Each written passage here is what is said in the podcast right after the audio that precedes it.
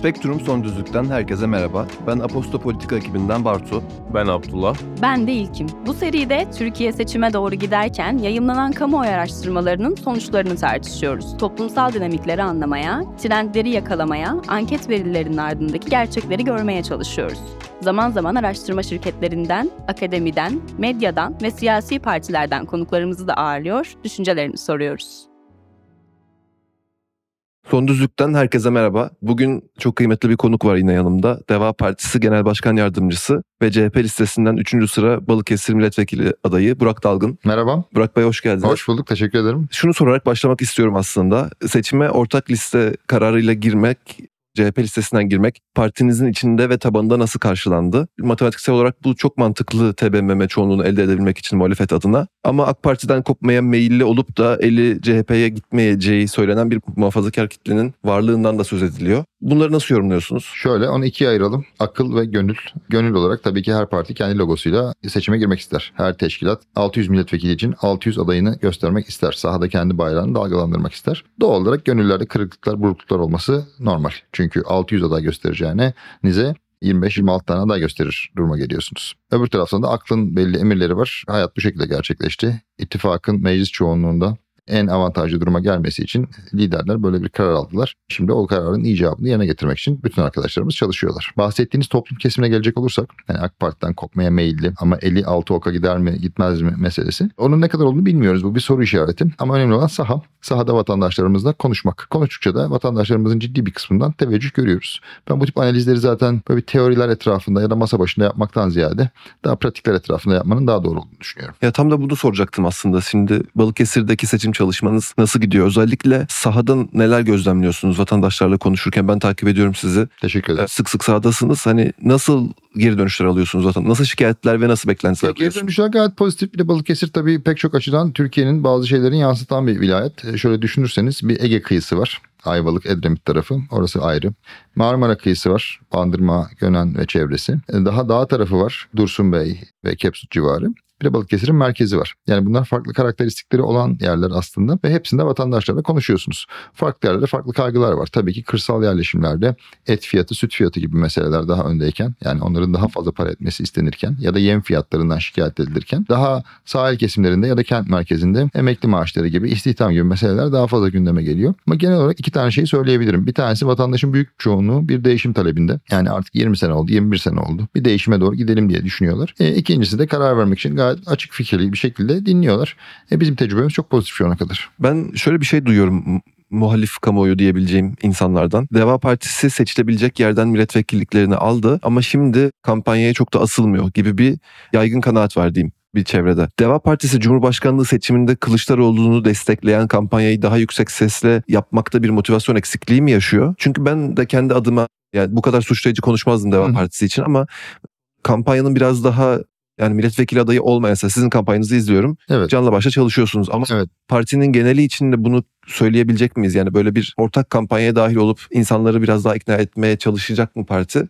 Yoksa bu böyle daha stratejik bir tercih mi? Yoksa aslında böyle bir durum yok mu? Valla şöyle stratejik bir tercih değil. Önce onu bir Aha. ayıralım. Böyle bir tercihi yok partinin. Bilakis parti hem e, Sayın Kılıçdaroğlu'nun adaylığı hem de ortak liste, Cumhuriyet Halk Partisi çatısı altındaki ortak liste için kararını vermiş durumda ve bu çerçevede de çalışıyor. Şimdi Böyle bir intiba var mı onu bilmiyorum. Varsa da demek ki daha çok çalışmak lazım. Çünkü bazen biliyorsunuz algılar gerçekliği anlatıyor. Ama gerçek hayata bakarsanız ben kendi açımdan gayretle çalıştığımı görüyorsunuzdur diye ümit ediyorum, düşünüyorum. İzleyicilerimiz de yeninin yürüyüşü hashtag'i altında neler yaptığımızı bakmak isteyebilirler. Genel başkan seviyesinde Sayın Kılıçdaroğlu'nun adaylığına en net desteği veren hatta bugünkü ve dünkü tweet serileriyle beraber kişilerden bir tanesi Sayın Ali Babacan. Yani orada net bir destek var. E demek ki sahada daha fazla gözükmek lazım bütün arkadaşlarımızın. Orada tabii iki tane meseleyi unutmamak lazım. Bir tanesi kampanya nispeten yeni başlıyor. Ramazan'ın sonlarındayız. Bayramın bayram arifesinde bunu çekiyoruz. O geçiş olabilir. Kampanya oturdukça birazcık daha o görünür olabilir. İkincisi arkadaşlar oradayken onları parti aidiyetleriyle görmüyor olabilirsiniz. Çünkü orada bir yandan tabii destek olmak lazım. Öbür taraftan orada 15 tane farklı flamanın da dalgalanmıyor olması lazım. Seçmenin kafasının karışmaması için. Oradaki teşkilat mensuplarının tam olarak nereden geldiğinde vatandaşlar bilmiyor olabilir. Ona da bir hata payı bırak- bırakmakta yarar var diye düşünüyorum. Bir de son olarak esas konuya gelmeden şunu sormak istiyorum. Özellikle eski Adalet Bakanı Sadullah Ergin'in Ankara 1. bölgede CHP listesine yer almasına yönelik CHP tabanından bir itiraz duyduk. Ama Deva Partisi'nden genel başkan düzeyinde e, Sayın Ergin'i koruyan açıklamalar yapıldı. E, CHP yönetiminden de keza isimlerin CHP tarafından belirlenmediği bunun Deva Partisi'nin tercihi olduğu söylendi ve hani bu, bu- burada bir sıkıntı görülmediği de vurgulandı. Daha sonra Sadullah Ergin de CHP'nin aday tanıtım toplantısına katılmadı. Başka bir programını gerekçe göstererek. Bunun böyle kalıcı bir hasara yol açmasını bekliyor musunuz yoksa bu kapanır gidecek dediğiniz bir konu? Bence herkesin odağı 3 hafta sonraki seçimleri kazanmak etrafında olacak. İki partinin de genel başkanları en üst seviyeden bu konuyla ilgili görüşlerini, yorumlarını ifade ettiler. Seçime de pek bir şey kalmadı. Aşağı yukarı 24-25 gün kaldı. Bütün önceliğin seçimleri hem e, Türkiye Büyük Millet Meclisi tarafında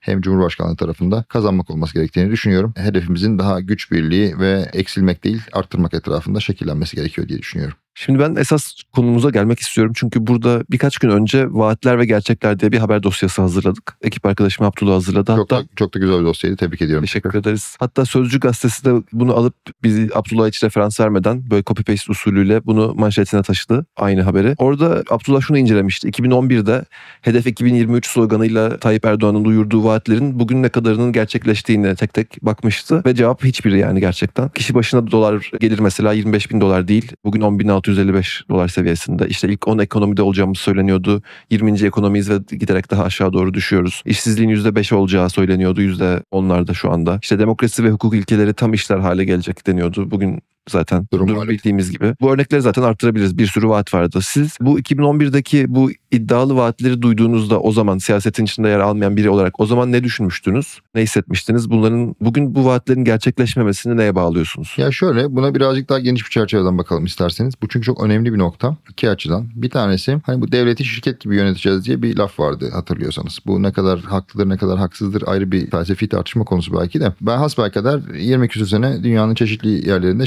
şirketler idare ettim. Bazen yönetim kurulunda oturdum. Bazen sahibi oldum. Bazen danışmanlığını yaptım. Şimdi böyle şirket idare edilmez. Siz şirkette bir hedef koyuyorsanız o hedefin yarısının altında kalıyorsunuz. Sizi orada kimse tutmaz. Bu televizyon yayıncısı için de böyledir. Şirket müdürü için de böyledir. Satış elemanı için de böyledir. Demek kendi kendine devleti şirket gibi yöneteceğiz diyen idare kendi testini geçememiş durumda. Bir, bunu bir teslim edelim. İkincisi daha geniş açıdan baktığımızda benim gördüğüm birbiriyle iç içe dört tane problemimiz var. Yani performansımız dört açının dördünde de sıkıntı yaratıyor. Bir tanesi dünyadaki payımız. Şimdi biz dünya nüfusunun aşağı yukarı yüzde biriyiz değil mi? 8 milyar insan 80 milyon kişi. Ekonomik payımız yüzün- yüzde birin altında ve hep böyle.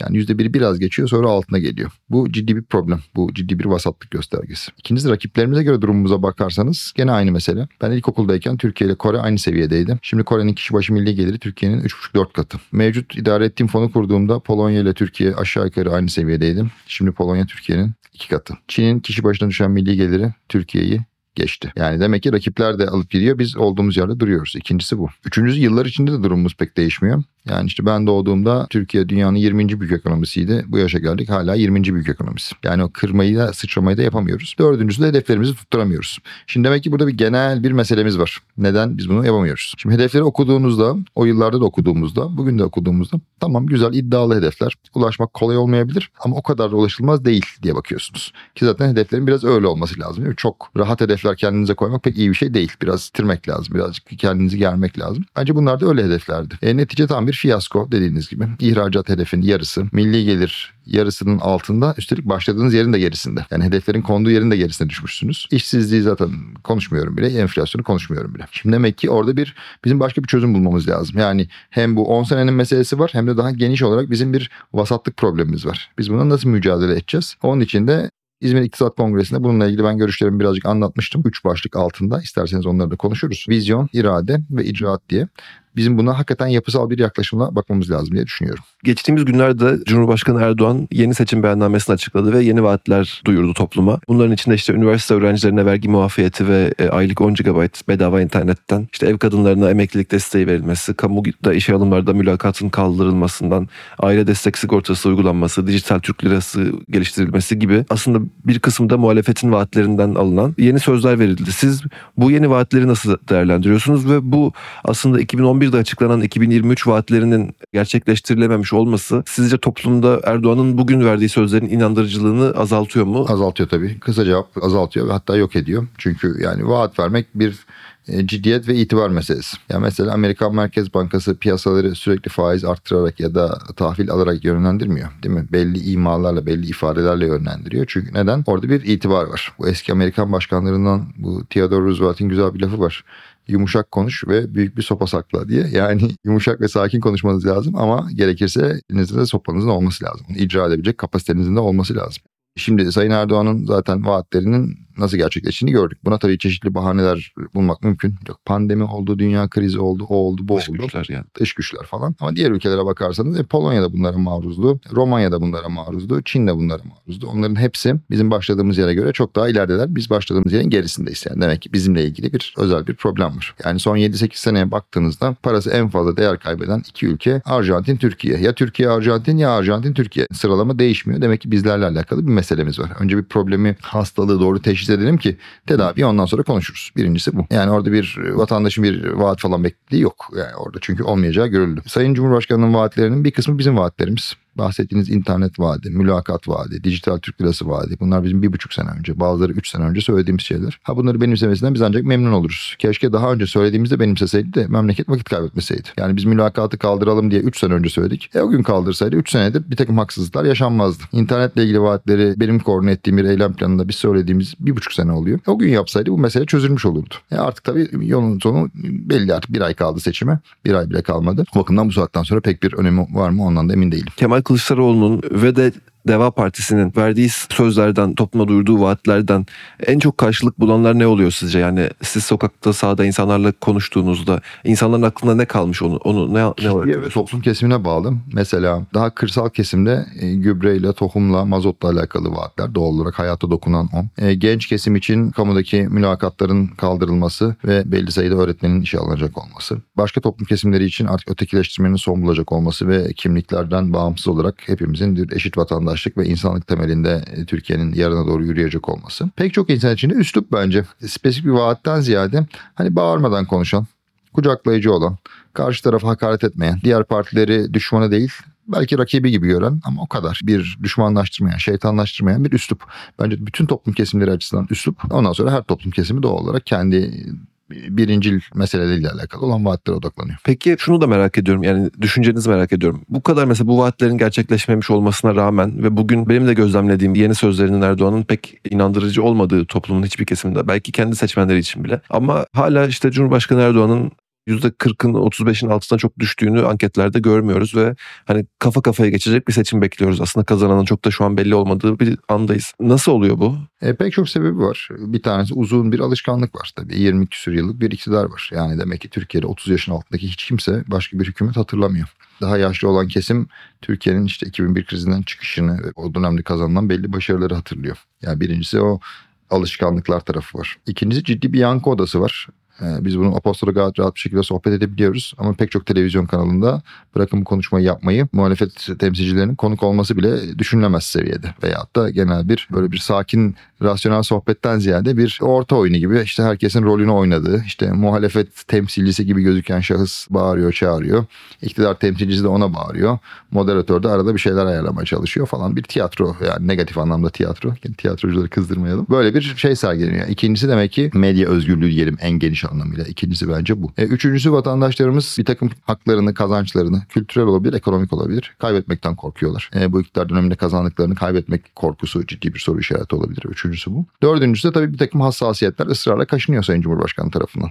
Bilhassa dini ve milli kutsallar siyasi kampanyanın adeta bayrağı haline getirilmiş durumda. E doğal olarak vatandaşımızın hem milli hem dini hassasiyetleri var ona e, dokunmak istiyor. Yani özetlemek gerekirse bu işin alışkanlıklar tarafı var. Medyada yankı odası veya sadece belli kanallarla erişim meselesi var. Kazançların, kazanımların kaybedilmemesi korkusu veya endişesi var diyelim. Ve nihayette e, dini milli kutsalların siyasi kampanya için bayraklaştırılması var. Ya son sorun da şu aslında Burak Bey bitirmeden. Önümüzde bir geçiş dönemi var gibi duruyor eğer Kemal Kılıçdaroğlu Cumhurbaşkanlığı kazanırsa ve bu geçiş süreci altı partinin içinde olduğu bir koalisyon olmasa bile koalisyon benzeri bir hükümet olacak Çok bu. farklı bir Çok hükümet. aynen. Burada toplumun bir kesiminde ben şunu gözlemliyorum. Bir endişe var. Ya bunlar kendi aralarında anlaşamazlarsa, işte vaatlerini gerçekleştiremezlerse, işte çok kısa bir süre içerisinde ülke krize sürüklenirse, yine seçim olursa vesaire gibi. Burada bence muhalefetin yapması gereken biraz da bu endişeye hitap edebilmek ve bunu giderebilmek. Siz nasıl bir geçiş dönemi öngörüyorsunuz? Bu sorunları nasıl aşılacağını düşünüyorsunuz? Kolay değil yani Türkiye hakikaten ciddi sorunlarla karşı karşıya. O yüzden ciddi şekilde çok çalışılması gerekiyor. Hem meclis tarafında hem hükümet tarafında hem de onun uzantısı olan bürokrasi tarafında. Şu kurumların itibarının yenilenmesi, ehil insanların göreve getirilmesi o açıdan çok önemli. Muhalefet bunu aşmak için bu ortak mutabakat metnini ortaya çıkardı zaten. E, 2300 maddelik bir ortak adeta bir hükümet programı var. Şimdi iktidar tarafına baktığımızda böyle bir şey ortada olmadığını görüyoruz. Muhalefetin bir icraat planı var. Ki bunların uygulanması zaten e, Türkiye'nin en az 4-5 senesini alır. Yani sadece ortak mutabakatı uygulamaya çalışsanız hakikaten Türkiye çok ilerler. Hem de o yani hakikaten bir seçim dönemini çok dolduracak olan bir şey. Bir de onun üstünde sistem değişikliği var. Yani hakikaten muhalefeti hem bir arada tutacak iki tane büyük çıpa var. Ortak mutabakat ve seçim yönetim sistemi değişikliği gibi. Ama onun ötesinde muhalefet e, iyi performans göstermek zorunda. Yani en büyük mesele mecburiyet aslında. Çünkü neden? E 9 ay sonra yerel seçime gidilecek. Kötü performans gösterirse, gösterirsek yerel seçimde vatandaş bunu cezalandıracak. Kötü performans gösterirse bir sonraki seçimde cezalandırılacak. E biliyorsunuz dünyada uzun süreli iktidarlardan geçişin e, neticesi olan bazı örnekler var. Farklı farklı örnekler var. Mesela İsrail'deki örnek çok partinin Netanyahu'dan hükümeti devralması ama sonra dağılması ve Netanyahu'nun geri gelmesi. Çünkü idare edeme, etme sıkıntısı var. Macaristan'daki örnek çok partinin bir araya gelmesi ama ortak bir mutabakat çerçevesinde ilerlemediği için seçimi kazanamaması. Ama başka ülkelerde daha olumlu tecrübeler var. O sıkıntılı yerlerden ya da negatif tecrübelerden bir şeyler öğrenip pozitif tecrübelerden de ilham almak lazım. Ama tabii Türkiye'nin de kendine özgü bir durumu var elbette. Yani hem o ortak mutabakata ve geçiş dönemine sadık olmak lazım hem de zaten başarı mecburiyeti yeterli bir şevklendirici diye düşünüyorum muhalefet partileri açısından. Bir soru daha geldi aklıma. Tabii. Aslında şeyden dolayı hashtag'in, hashtag'i söylediğiniz yeninin yürüyüşü oradan geldi aklıma. Aslında kendinizi yeni bir siyasetçi olarak yani yeni siyasetin temsilcisi olarak konumlandırıyorsunuz. Yani ben sizi takip ettiğim için bunun çok geçerli ve doğru olduğunu düşünüyorum ama sizi takip etmeyen insanlar için, bilmeyen, tanımayan insanlar için yeni siyaseti ve yeni siyasetçiliği nasıl tanımlarsınız? Yani siz neyi farklı yapıyorsunuz? Şöyle onu da ikiye bölelim yeni siyaseti. Bir içerik var bir üslup var. E, maalesef yeni siyaset denince çok fazla olay üslup çerçevesinde konuşuluyor. İşte aa, video oyun, video oyunu oynamak işte bir Netflix dizisi beğenmek işte gençlerle beraber koşmak, oyun oynamak falan gibi anlaşılıyor. Bunlarda bir sıkıntı yok. Fakat mesele bir ambalajdan ibaret değil. Esas yeni yeni yapan içeriği. İçerikte neresi? Siyaseti bir kast sistemi olmasını reddetmek. Siyasetçilerin ayrı bir sınıf. Böyle Ankara'da iç içe yaşayan 3-5 bin kişi makam araçları, lojmanlar, işte meclis kulisleri burada yaşayan bir ayrı bir insan grubu olmasını bir reddetmek bir. Sürekli yuvarlayıcı cevaplar vermek yerine net olmak, açık konuşmak. İki. Sanal gündem yerine işte özellikle siyasetin böyle çok ortalığın ayağa kalktığı konular var. Vatandaşın umurunda değil. Vatandaşın umurunda olan gerçek gündeme odaklanmak. 3. Türkiye'deki hakikaten memlekete katkı verecek insanların önünü açmaya çalışmak. Yani onları böyle bir rakip görüp bastırmaya çalışmak veya da dışlamak yerine onlara bir umut olmak veya da elini uzatmak ya da onların sesi olmaya çalışmak. 4. Bunun gibi şeylerle yeni siyaseti biz tanımlamak zorundayız. Yani esas reddiye bu tarafta. Yoksa işte kıyafetle, oyunla, eğlenceyle dediğim gibi bunların bir sorunu yok. Ama bu iş sadece bir ambalaj ve büyük bir riski de söyleyeyim. Bu iş ambalajdan ibaret zannetmek bu yeni siyaset markasını ya da anlayışını da hakikaten yok eder. Ondan sonra bu iş bir oyundan ibaret kalır. Bu iş bir oyun ya da eğlence değil. Bu sakallı Celal'in hatta buralarda yaşamış bir eski egzantrik ve filozof. Bundan 80 sene önce söylediği güzel bir laf var. Tanzimat ilan ettik olmadı. Meşrutiyet ilan ettik olmadı. Cumhuriyet ilan ettik olmadı. Biraz da ciddiyet ilan edelim diye. Bu iş bir ciddi bir iş. Yani asık suratlı ya da gri ya da böyle bir takım elbiseli bir şeyden bahsetmiyorum tabii. Ama ciddiye alınması gereken bir iş. Çünkü siyaset hepimizin hayatını. İşte bir annenin çocuğunun beslenme çantasını dolduramamasını. Bir emeklinin doğru düzgün bir hayat yaşayamamasını, milyonlarca gencin ne işte ne okulda olmasını yol açan şey aslında birazcık siyaset hele bizim gibi ülkelerde. O yüzden biraz daha ciddi alınarak yapılması lazım diye düşünüyorum. Benim sorularım bitti Burak Bey. Sizin eklemek istedikleriniz varsa Aposto'yu izleyenlere, okuyanlara. Postoyu ben çok başından beri takip ediyorum. Çok teşekkür ediyorum. Buraya konuk olmak da benim için büyük bir mutluluk. Programlarınız, yayınlarınız için de çok tekrar çok teşekkürler. Eminim dinleyicilerimiz de onu söylüyor. Bunu Ramazan bayramının arifesinde çekiyoruz. Bu vesileyle vatandaşlarımıza, dinleyicilerimize mutlu bir bayram diliyorum. Son düzlükten bu haftalık bu kadar. Önümüzdeki bölümde görüşmek dileğiyle.